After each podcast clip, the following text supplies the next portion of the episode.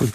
Uh, Afgelopen week bleek dat uh, streng gereformeerden in onder andere Krimpen en Urk massaal de coronaregels overtreden bij het zondagse kerkbezoek. Toen journalisten daarvan verslag deden, werden ze geschopt en geslagen. En het kerkbestuur vergeleek de journalisten vervolgens in eerste instantie met terroristen en SS'ers, waar ze zich inmiddels wel weer voor verexcuseerd hebben.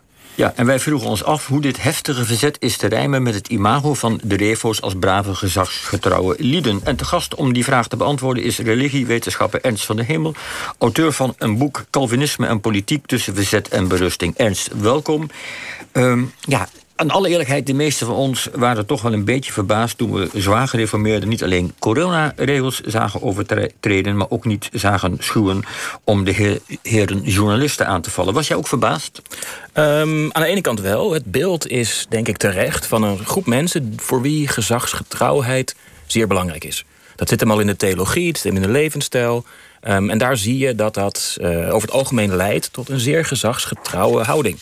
Aan de andere kant wordt diezelfde groep ook gekenmerkt door een historisch steeds weer terugkerende tendens om, als het uh, recht omspant, er niet terug voor te schuwen om in opstand te komen.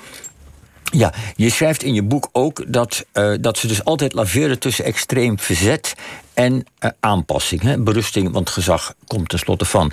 Waar zit dan toch de, dat element dat ze vinden dat ze op een bepaald moment gerechtvaardigd zijn om wel in verzet te komen? Want dat is er ook. Waar zit dat precies? Waar halen ze dat uit? Ja, nou ja, uit de Bijbel is natuurlijk de korte, het korte antwoord. Uh, meer specifiek uit de theologie en de uitleg van Calvijn. Um, maar om te beginnen denk ik dat het goed is om bij die uh, gezagsgetrouwheid te beginnen. Wat staat er namelijk in, in het beginselen van deze groeperingen... en van wel meer christelijke um, bewegingen... dat de overheid door God gegeven is. God heeft de wereld op een bepaalde manier gemaakt. Daar hoort de machtsverhouding bij. Daar hoort bijvoorbeeld het koningshuis bij. Dat is nou eenmaal door God gemaakt. En daar moet je als mens niet tegen ingaan. Want dan denk je dat je het beter weet dan God. Dan zou je zeggen, dan houden ze zich gewoon aan de coronaregels... en doen ze braaf wat uh, gezegd wordt. Ja, absoluut. En over het algemeen is dat ook het geval. De SGP, maar... SGP bijvoorbeeld, die zegt heel vaak... wij zijn geen oppositiepartij, we stemmen in principe gewoon mee... met het, met het overheidsbeleid, wij berusten. Ja. Maar als de overheid het te bond maakt, zoals Rutte afgelopen week, dan stemt ook de SGP voor de motie van wantrouwen. Dus de overheid kan ook tegen de van God gegeven orde ingaan. Exact. Als de overheid uh, zijn of haar grenzen overgaat, dan wordt de overheid eigenlijk uh, gedragen op een manier die niet bij die ordening die God bedoeld heeft past. En dan wordt de macht van de overheid dus illegitiem. En dat zie je telkens weer terugkomen in die geschiedenis, dat er momenten zijn waarop als in de beleving van dit soort groeperingen de overheid te ver gaat, dan hoef je niet meer te gehoorzamen. Of dan wordt in ieder geval die overheid, gehoorzamen die overheid, wordt dan zondigheid. Ja, en dan, als je moet kiezen tussen de overheid of God, dan is het de keuze natuurlijk snel gemaakt. Ja. Mhm. Je schrijft zelfs dat dat al begint bij onze vader des vaderlands, deze redenatie. Leg eens uit. Ik neem aan dat je Calvijn bedoelt. Uh, en ja, nee, nee inderdaad. Nee, nee, Calvijn, Willem van Oranje. Van, van Oranje bedoel Ah, kijk. Dat uh, ja. Nee, Willem van Oranje, dat was een, uh, een, een, opstandsleider... die zijn opstand legitimeerde met een direct beroep op de theologie van Calvijn. Dat was een beetje opportunistisch. Dat moet je, nou ja, zijn bijnaam is niet voor niets Willem de Zwijger. Maar over die, dat opportunisme hoeven we het nu niet te hebben. In bijvoorbeeld de apologie van Willem van Oranje... of nog bekender het volkslied van Nederland, het Wilhelmus, komt deze spanning heel duidelijk naar voren. Daarin wordt gezegd: de Spaanse koning heb ik altijd geëerd. Wat wordt daarmee bedoeld? Ik ben hier niet vanuit mijn eigen ego, vanuit mijn eigen eh, ambitiedrift in opstand aan het komen. Nee, de koning heeft zich dusdanig misdragen dat alhoewel ik hem zou moeten gehoorzamen, is er nu iets bijzonders aan de hand en heb ik God moeten obediëren in de hogere gerechtigheid. Zoals ja, het Wilhelmus dus, dus ik, heb, ik moest wel in opstand komen. Dat, dat kon niet anders, want de koning misdroeg zich. Uh, en dan krijgen we de, zeg maar de, de opstand tegen de koning van Spanje, waar Nederland zijn hele bestaan aan dankt. Het moderne Nederlandse vrijheid, et cetera, et cetera. Ik hoorde afgelopen ik geloof ergens in een journaal op de dag van de gebeurtenissen in Krimpen aan de IJssel en uh, in, uh, wat was het, een Urk geloof ik, uh, hoorde ik een dominee op het journaal uitleggen, het is allemaal aan ons te danken. Aan, en dan bedoel je met ons de 16e eeuwse strijd voor, voor de godsdienstvrijheid. Hij zei, al het andere uh, recht van betoging, recht van demonstratie, recht van vrije woord, is daarna gekomen. Met andere woorden, het is aan ons te danken. Is dat, is dat een redenatie die je meer tegenkomt in deze kring? Ja, die staat al, al sinds er geschiedenissen geschreven worden van de 80-jarige oorlog, worden dit soort argumentaties naar voren gehaald. Dat toen het duisterste punt van de 80-jarige oorlog nabij was, wie droegen de opstand op hun gelovige schouders? Dat waren de militante protestanten, militante Calvinisten, die daar mede door hun theologische uh, energie gesteund extra de schouders onderzetten en zo Nederland door de duisterste dagen van die opstand geholpen hebben. En dat zie je dat dat steeds meer, als men het over de volksaard van Nederland gaat hebben en zo, en als dat soort uitvindingen populair worden, dan zie je dat men dat, die opstandigheid, dit Calvinistische doorzettingsvermogen, verheft tot een soort van karakteristiek van de volksaard. Ja, en als dat Calvinisme uh, als politieke beweging een beetje krimpt, hè, het is. Een tijd lang is Nederland is Calvinistisch en dat valt helemaal samen, althans in, het, in de mythe. Dan krijgen we een, een, in de 19e eeuw een politieke partij van Abraham Kuyper en de zijne, die, die er gewoon politiek van maken. En die gaat eigenlijk zeggen van.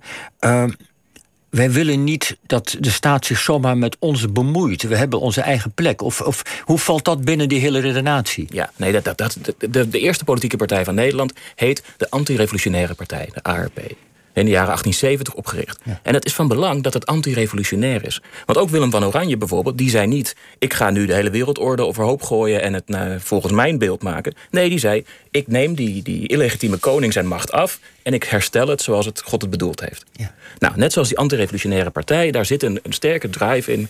Je hebt nu een bedreiging van godloze revoluties. Mhm. Wij moeten daar tegen in opstand komen en de zaak herstellen zoals God het bedoeld heeft. Dus eigenlijk, en Kuiper zei dat heel mooi, die kon zo zo mooi schrijven. Die zei: Wat ik doe is de revolte tegen de revolte. Ja, ja, maar hij bedoelde waarschijnlijk nog ineens de socialistische revolutie... maar meer de, de, de liberale machthebbers in Nederland. Oh, van alles. Van alles. Bedreigingen kwamen van overal. Dat was toen zo en dat is nog steeds zo. Uh, maar het idee is dus dat, dat waar, waar Kuiper zich op beriep... die zei, luister, we moeten toe naar een systeem... waar de overheid haar plek kent... en de schepping zoals God die gemaakt heeft... met verschillende groepen in de Nederlandse maatschappij... dat moet in ere gehouden worden. Dat de overheid haar plek kent, hè? dat is een belangrijk element. Maar laat, laten we nou even ook nog bij iets anders stilstaan. Want dit is de, de zelflegitimatie, uh, van, de, van het Calvinistische volksdeel. En in dit geval van het meest extreme fundamentele deel. Waar we het nu over hebben. Hoe kan het nou eigenlijk toch dat ze daar altijd, om het maar eens plat te zeggen, meer weg lijken te komen? Ook bij de, de zittende regeringen en overheid vallen wij stiekem voor dat argument van... het is allemaal met jullie, de vrijheid van ons is met jullie begonnen? Hoe, hoe, hoe, hoe waar zit dat? waar zit die aanvaarding? Ik denk dat er twee, twee, dimensies van belang zijn. Eén is die, die, die diepere geschiedenis van verzuiling in Nederland... waarbij de overheid aan die verschillende religieuze groepen... behoorlijk wat vrijheid toekent om eigen onderwijs op te zetten... om eigen en, uh, opvattingen over uh, wat doe je in je kerk, wat doe je in je politieke partij te stimuleren. Dus in dat Nederlandse systeem zit al vrij veel ruimte ingebakken voor geloofsgroepen om hun eigen leven in te richten zoals mm dat zelf willen. Maar er lijkt wel een voorkeursbehandeling. Want stel je voor dat wat er nu gebeurd is in Krimpen aan de IJssel, et cetera, dat dat in een moskee gebeurd zou zijn dan zou er toch echt wel iets anders, een ander geluid gehoord Absoluut. Kijk, het, de befaamde Nederlandse diversiteit. Er was een hele mooie slogan voor. Dat was diversiteit thuis, maar één gezicht in de kolonie. dus het was altijd voor bepaalde types christenen en dan liberalen of mhm. socialisten. Die hadden dan het recht op een, op een, op een zeil. Maar uh, op het moment dat er groepen bij waren die niet christelijk of postchristelijk waren, dan werd dat argument ja. opeens veel minder uh, snel toegepast. Ja, nee, maar de, de, de voorkeursbehandeling nu. Hè, dat, dat, dat voor kerken kennelijk andere regels gelden dan voor theaters en bioscopen en zo. Er wordt dan gezegd dat het lastig is door politici. Maar Wim Voermans heeft deze week, want nieuws gezegd, is helemaal niet lastig. Eén zin veranderen in die coronawet. En je kan tegen de kerken ook zeggen. ja, maar goed, je ziet dat bij de vrijheid van onderwijs. Je ziet dat bij een aantal van die, die instellingen dat het heel diep ingebakken zit dat de overheid daar zijn vingers niet aan moet branden. En een tweede ding wat daar nog bij komt ten opzichte van die voorkeursbehandeling van christenen, is dat we in een tijd leven waarin het christelijke aspect van Nederland uh, redelijk in de belangstelling staat. Waarin Rutte naar de SGP-jongeren toe gaat en zegt: uh, We hebben eigenlijk heel veel gemeen. heeft een beroemde speech daar, daar gegeven. Waarin partijen zeggen: Nederland is joods-christelijk. Nederland moet zijn christelijke waarden, christelijke identiteit behouden. En het is in dat klimaat waarin bijvoorbeeld de Forum voor Democratie toekruipt naar de SGP en vice versa niet zo gek dat er minder angst beleefd wordt als er dit soort gedrag bij SGP'ers voorkomen dan als het bij andere groepen voorkomt. Ja, maar Forum voor Democratie is een partij die hele corona ontkent en zegt laat iedereen maar bij elkaar komen. Nou ja, dus- maar laten we het even los, loskoppelen van die corona, want het gaat om het. De, of niet echt loskoppelen, maar het gaat, als ik jou goed begrijp, ernst om het feit dat, dat, dat zeg maar, dat christelijke fundament in de tijd van de, de, de christelijke bescha westerse beschaving onder druk, et cetera, ook meespeelt. Ja, absoluut. Ja. En, en een kritische reflectie op de overheid in deze tijden, want dat is ook nogal hip. Hè? Dus dat er uh, de kritiek op de overheid met het hele coronabeleid, vaccinatiebeleid, daar resoneert een soort van onvrede, resoneert met wat er in de SGP-kringen gebeurt, waarin ze al langer moeite hebben met vaccineren. Ja, heb jij enig idee uh, hoe, die, hoe lang dit nog zo blijft gaan? Ik bedoel, de, de, de vrijheid van godsdienst is een soort heilig huisje. En die lijkt wel boven al het andere te gaan. En daar zit deze, de, de geschiedenis die jij nu vertelt, zit daarachter.